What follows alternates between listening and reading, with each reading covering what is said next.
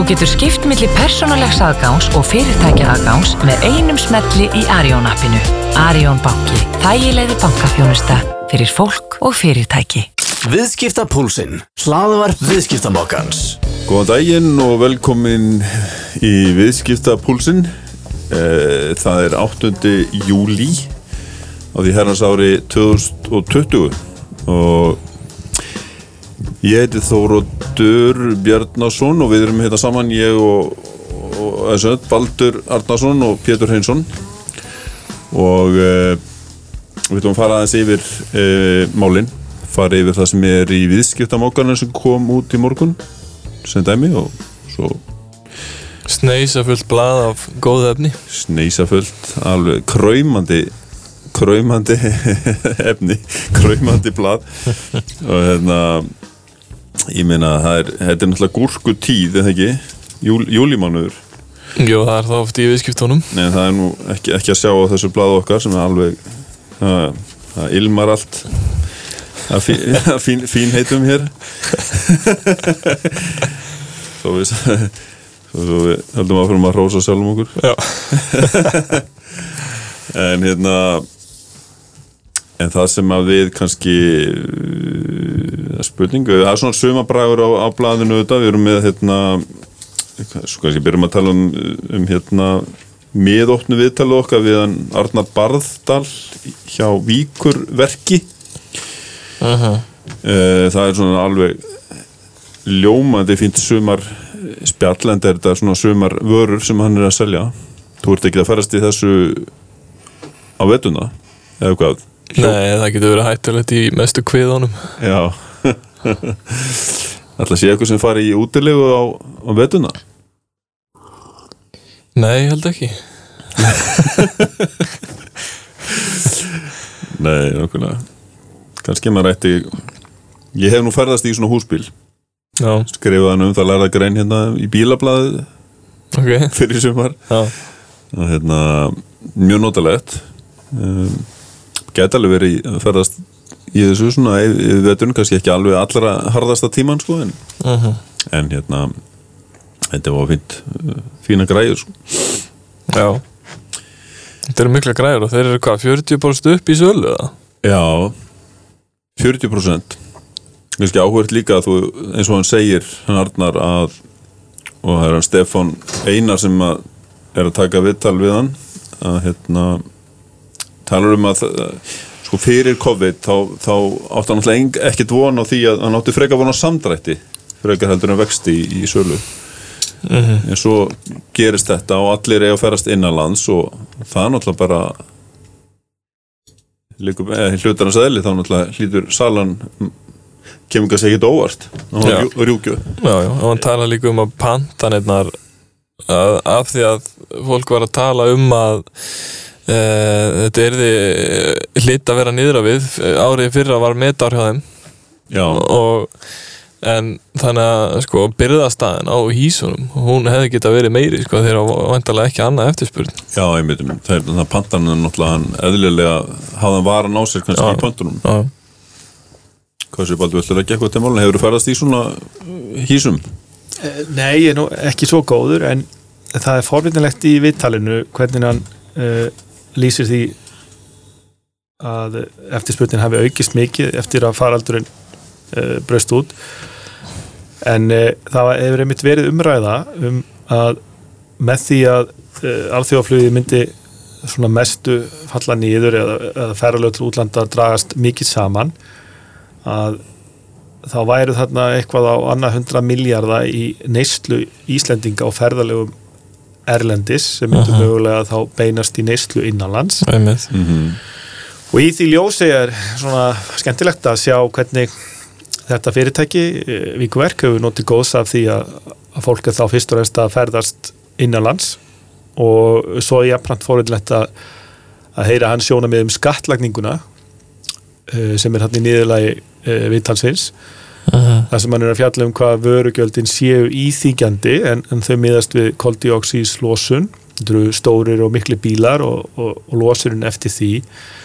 En uh, það er þá málflutningur hans að það sé þá uh, þjóðaslega hagkvæmara að fólk sé að ferðast innanlands og kaupa vörur og elsneiti hér, þjónustu. Já, uh, í staðis að ferðast erlendis og ég verð að segja það að með það hvernig hann setur sitt mál fram að þá er þetta uh, aðtilsverði ábendingar hjá honum. Já, sami bíl kostar 6 miljónir í Evrópu en 13 miljónir á Íslandi. Já, það er eitthvað bóið við það. Og líka, og líka að því að rafbílavæðingin, hún er í rauninni uh, komin á flug uh, tengiltimbílarnir eru að reyðja sér til rúms og ég veit um marga sem að ætla að stíga síðan skrefið alveg yfir í rafbíl þetta er kannski 2-3 ár þegar að þeir selja bílinn sem þeir eru búin að kaupa núna. Og þegar innviðin verða orðin betri en uh, það er eðlilega lengra í að þessi þingstu bílar verði rafknunir mm Þannig að þá er spurning hvort að uh, sko, hugmyndafræðið að við þorfa einstærð passi öllum, hvort að hún eigi þá við í þessu, hvort að eigi mögulega þá að við hafa aðra skatlandingu heldur en CO2 gildi. Mhm, einmitt. Það er alveg áhugaverður áhugaverð pæling. En hérna en svo við förum frá þessu spjalli sem er umhverfað margt, margt fleira áhugavert í þessu spjalli. Þannig ég hvet, hvet fólk til að næla sér í í hérna blaðið sem fyrst. Það er líka forðilegt sem hann er hann er að ræða um varðandi eftirspurn eftir að geima húsbíla og, og tengivagnana. Það er orðin stór markar á Íslandi Já, sem er þá ein afleðing þessara velgengni. Þetta er náttúrulega einmitt vandamál sem skapast auðvitað með auknum fjölda. Ég hef náttúrulega orðið varfið þetta bara í mínu svona, í mínu fjölskyldu eða fólk sem á tjaldvagna er alltaf á haustin að leita eftir einmitt geimstuplássi Já. og sumir eru einmitt þurfa að leia þetta, aðrir kannski leita á sveitabæi, kannski í einhverja hlöður jafnvel sem eru, Akkurat. eða það, það er ímsa leiði sko sem fólk þarf að finna og, og, í skjóli sko. og útilegumadurinn sem að þeir eiga náttúrulega hann á, á útilegumanni líka eða hlutið í Já. og- eða vag, og vagnaland sem er, er þar inni Já, já. það er stopnan átt uppalega líka til að þeim selja notuð og, og geima Já, já, það er, er ekki ýmsar skemmur út á landi það sem þetta er bara sneisa fullt af einhverjum hús jú, vögnum, jú, sko. jú, jú, að þú náttúrulega þóru ekki að geima þetta út á plani þetta er náttúrulega fyrirferða mikið líka. Já, já. þannig að eh, já, það er alveg áhugaverðið mitt uh, einmitt, þetta vandamál. Og, og líka almennt að stundum segja svona litli hluti stóru sögu að þetta vittnar um uh, efnahags uppgangin á síðust árum og kaupmáttin mm og eigi fyrir sem fólk hefur myndað í húsnæði, launahækkanir. Uh, þetta hefði nú árum áður þótt mikill luxus að vera að keira á húsbíl sem kostaði á annan 2 miljana já, já, en kannski orðið á margra færi núna. Já, einmitt, einmitt, ég meina húsbíli sem ég var að keira þarna kostaði held ég 17-18 miljónir sko. Mjög flótur, en ég meina er maður að kaupa þetta fyrir ferðalag í eina-tvær vikur þegar þú getur, eins og við náttúrulega sagði frá áður í, í viðskiptamákunum, sko leikt svona hús fyrir náttúrulega bara mjög veranlega uppæð eða svona, svona sagt, bíl eða ofelli og hérna auðvitað hjólhísi líka Svo líka minnst áhugart auðvitað sem er eh, auðvitað langt síðan var svo þróun auðvitað snýrist við að fellihísin sem er náttúrulega ennþá ábyrrandi þau náttúrulega eru bara horfin raunveru. Og A-hísin það er segja í, í nýsölu. A-hísin jú, jú, það er margt svona mikla breytingar en, en hérna já, já, þetta er, þetta er skemmtilegt en, og já, kannski komið við að líka ég mann því ég fór hann, það var rosa mikill handagangur í öskjunni hann niður frá, þegar ég fór hann út af þessum húsbíl. Það var alveg brjálað að gera alls konar svona fylgir hlutum og, mm. og hinn og þessu sko. Þannig að það er sem fylgir þessu og, og viðhald og viðgerðir og, og eins og hann segir náttúrulega hérna svo höldum að enn áfram að hann er ekki að lýsa þessu viðtal hvað þetta er sérhæður sérhæð starfsemi sko. Og hún eigi ekki endilega saman með sölu annars konar útöðustar varningi. Hann talar einmitt um Ellingsen og já, já, hvernig Ellingsen hefði alltaf alltaf sér völl á þessum vettvangi en, en síðan dreigði sér tilbaka. Einmitt, einmitt, þannig að það er á- áhugavert. En hérna, eigum að eh, ræða östutum hérna Huawei fyrirtækið, Huawei. Huawei, já. Það er náttúrulega búið að vera mikið í fréttum og, og svona alþjóðlega auðvitað síðustu misseri og, og eru gjarnan í Þetta er, maður, það er mikið tala um þetta á Breitlandi í bandarækjunum og út um allan heima þetta, þetta er náttúrulega alþjóðlega fyrirtæki að vera að selja þessa tekni allstað og það kemur náttúrulega óvart í spjalli sem að þú Baldur tekur við Kenneth Fredriksson eh, einn af stjórnendum Hu- Huawei. Huawei. Huawei á Norðurlöndum að fyrirtæki er bara í blúsandi vext maður held að þetta væri bara vonar völu því að bandarækjumenn var að tala þetta svo mikið niður. Já, í, í fyrsta lagi þá, ég því nú að fara í þennan þátt að því að ég vissi það að ég myndi þurfa að segja nafn þessa félags. Ég, ég vona að ég fari nú nokkurn veginn rétt með það og, og segi, kalla þetta Huawei. Já, vel gert. En sum sé uh, þeir sögðu með fulltrúa félagsins að uh, það hefði haft um uh, 15 slut á uh, snjallsífumarkaði í apríl og mæ það er tæplega. Og sagðvægt gögnum sem ég gróf hérna upp uh, en ég settist inn í herbergi þá voru þeir með 18% hlut í sölu á fyrsta fjórðungi í snjallsífum í heiminum. Uh, aðeins Samsung starra í, í snjallsífum og þeir eru þá með 5% meiri hlutdelda heimssölunni heldur en Apple. Þannig að e, þetta er mjög stórt fyrirtæki í, í snjálfsýmum e, síðan eru þeir risi í e, farsíma kerfum eða þeim kerfum sem að leggja til grundvalla þá nótkun farsíma og nú er einmitt ástendingasteinin þetta 5G kerfi sem er að reyða sér til rúms. Og e, staðan á Íslandi hefur verið svo að Nova og Vodafone hafa, nota Huawei en e, Símin hefur nota Ericsson kerfi. Og það sem gerir þessa frétt áhugaverða, áhugaverða umfram það að vera viðskipta frétt og, og uh, þetta var því stærstu uh, nokkur af stærstu fjarskiptafyrirtæki landsins er svo staðrind að þarna er að byrtast ágreiningur uh, milli Kína og bandarækjastjórnar undir fórustu Trump uh, um viðskiptalega yfiráð uh, og nú kannast eflust margi við áallurinn að beltu og braut sem er það markmið uh, kínverja að tegja sér til vesturs byggja upp innviði til vesturs alla leið til Evrópu og svo sögur til Afríku uh, til þess að tryggja aðgang að auðlindum og aðfengum og jafnframt uh, uh, greiðan útlutning á vörum til þessara svæða.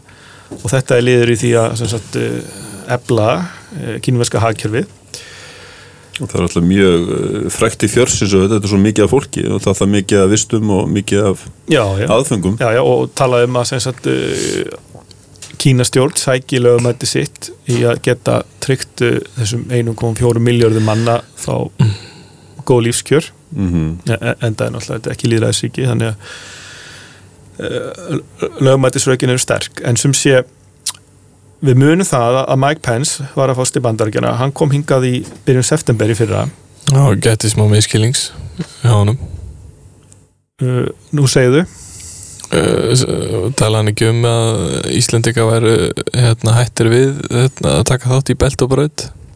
Jú, uh, áður en kannski víkjum að því að þá var hann að tala um það að leggja á það áherslu að Íslands stjórnvöld ættu ekki að uh, heimila Huawei að starfa hér að óbreyttu og vísa þá til öryggi sjónamiða og e- eins og ég uh, nefni þarna í blaðinu að þá er þetta ábyggilega einstæmi að svo hátsettur bandarskur uh, embætismæður skuli beina sjónum sínum að einstaka fyrirtæki á Íslandi.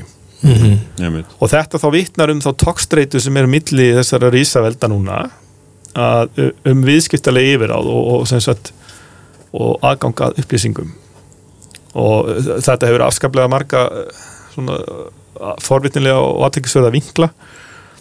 Þið þekki umræðina um að heimurinn sé að verða margpóla, sé að verða mörg heimsveldi.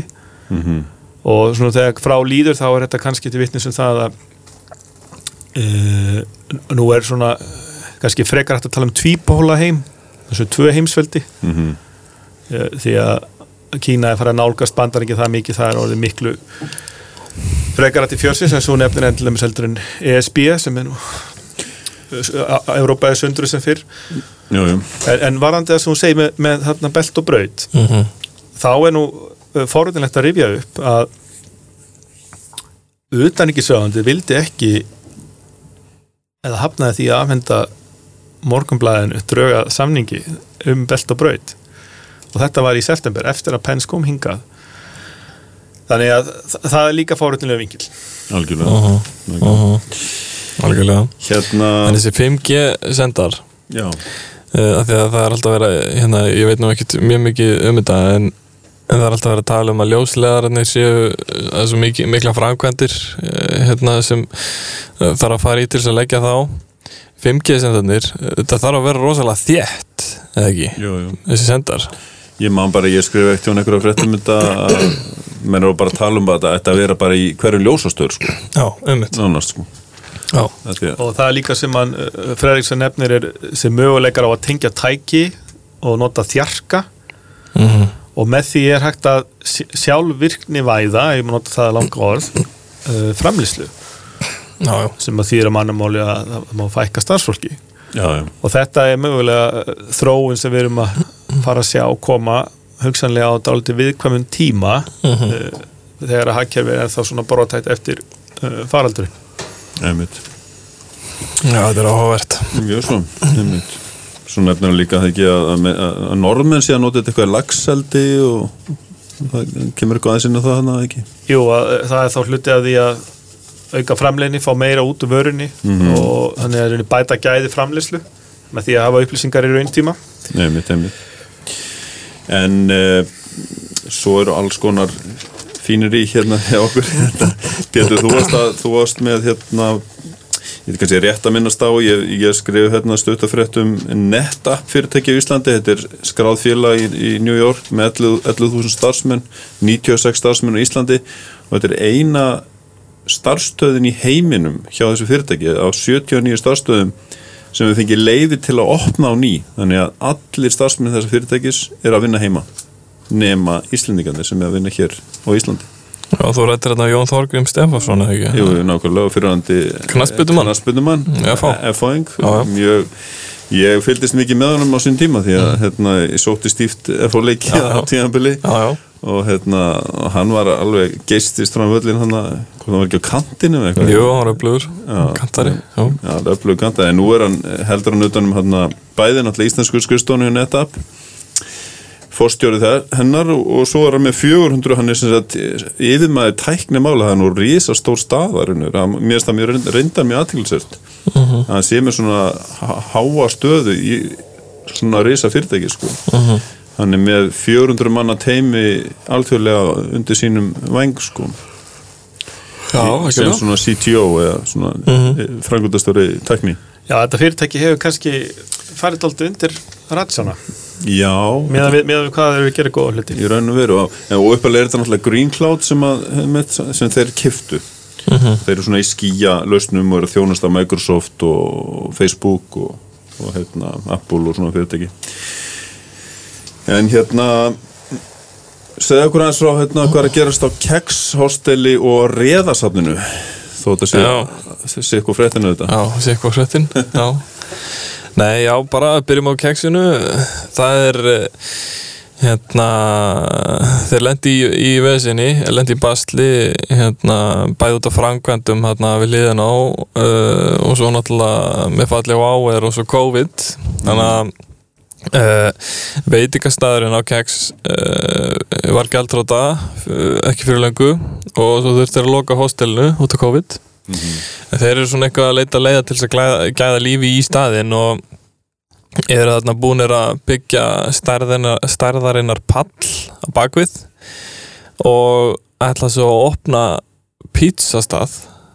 Eru alltaf búin að kaupa pizzaopn og hérna, eru svona að horfa svolítið mikið til unga fólksins og, eða ungs fólks og, og það er ein hugmynd hjá þeim með mitt að opna svona dorm heimavist. Eh, það er nú ekki langt komið og þeir eru í viðræðum við þau ofnbæra um þetta það þarf að stofna sér svona óhagnar drefi félag í kringum þá starfsemi en það er svona pæling hjá þeim til þess að já, koma til móts við ungt fólk og það eru með skránekar í háskólan og, og svo framvegis þannig að, að já, reyna að koma sér eitthvað á stað. Að vera einmitt, uh, þetta er mörgulega kannski sniðu hugmynd en þess að fá mikið fjölda ungu fólki hann inn og, og svo er hann afþreying og, matur og kannski vera svolítið líflegt. Já, algjörlega þeir eru þarna líka ég held að framkvæmdur eru hafnar að keilusal niðri en það er nokkað lengra í hann sagði Pétur Martinsson um mig sem er einn eiganda eh, staðarins. Já, þannig að þetta er svona spennandi hlutir að gerast. Já, það, margir forréttilega vinklar á þessu uh, til dæmis uh, þá er mikil uppbygging íbúða í, nágræni keks það eru 70 og hverju skutu 85 til 93 og, og svo eru 40 íbúðir og reitnum beint á móti og, og 70 og Brynju reit að eitthvað af þessum íbúðum á að hendi ungu fólki og, og síðan uh, hyggst Rauðsvík uh, er, að, er að leggja loka og henda á fleiri íbúðir síðan. Og uh, þá má nefna höfðatorkið uh, síðan hefur það verið að gerast á undarförnu að Airbnb íbúðir hafa verið að koma í markað í almenna sölu. Mm -hmm. Mögulega að skapa ungu fólki tækifæri og kaupa í miðborginni. Verðið hefur lækkað, kaupmáttur ætti að hafa aukist, uh, vextir hafa lækkað. Þannig að það minna einn fjö og það vantar einmitt svona stað á þessu svæði. Það má líka benda það að það eru námsmanna íbúðir hana, sem sagt, við skuggakverfið mm sunnum við skuggakverfið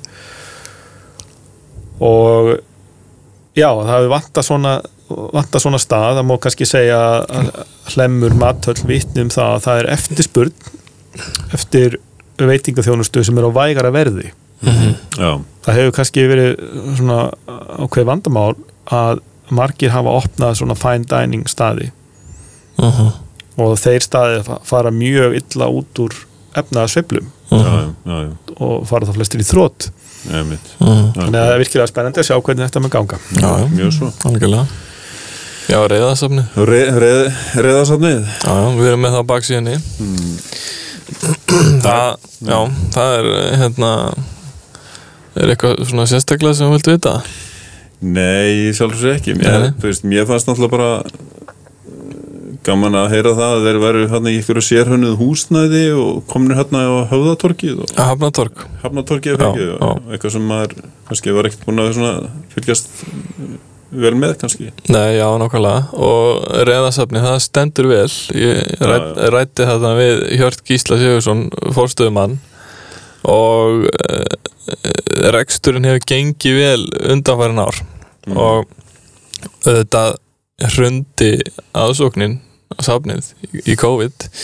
99% af gestum safnsins eru ferðamenn. Mm og þau fengu allir 90.000 gesti í fyrra. Og það mun nú eitthvað dragast saman í ár. Uh, en það eru samt eh, það er svona, þetta er aðeins að batna og hérna, það eru 30-40 gestir á dag sagða mér. Mhm. þannig að það er svona bendið til þess að sé einhver reytingur á ferðamönnum á landinu. Mhm. þannig að Þetta er náttúrulega mest spennandi safn á, á, norð, á í heimi. Já, algjörlega, og þessi mynd sko, hún var kannski full grafísk en en samt bara skemmtileg. Já, Nei, hún segir meir en mörg orð þessi mynd. Hún gerir það. Og vekur aftíkla fréttinni. Já, já, já, já, já, já, einmitt, einmitt, einmitt. En þetta er, er stór merkilegt samt að uh, sem sagt, uh, þegar maður áttir leið á hlem þá sá maður alltaf fólk inn á safninu. Mhm. Já, já, þetta er enga framtæki Já, já. uh, finna sér einhverja svona sillu og já, vera með sérstöðu og uh, árangurinn hefur verið ótrúlega góður. Ég, átti tækifæri á að skoða safnið um daginn og þeir eru búin að, setja það alveg upp og nýtt. Það átti að opna í mars held ég. Já, já fórstu á Hafnatorgið það? Já, Já, já, og ok þeir eru með texta uh, um hvern einasta grip. Mhm.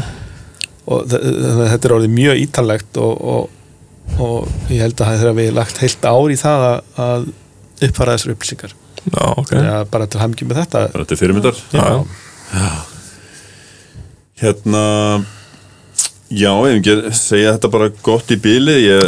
Við erum með alveg fullt af hlutum núna, áhugarum hlutum núna næstu dögum sko, sem við ætlum að fara að tjekka á og hvert fólk er að fylgjast vel með því sem við erum að gera hérna. Algjörlega. Og hérna svo sjáumstu bara í næstu viku. Verið bless Viðskipta púlsinn, hlaðvarp viðskiptamokkans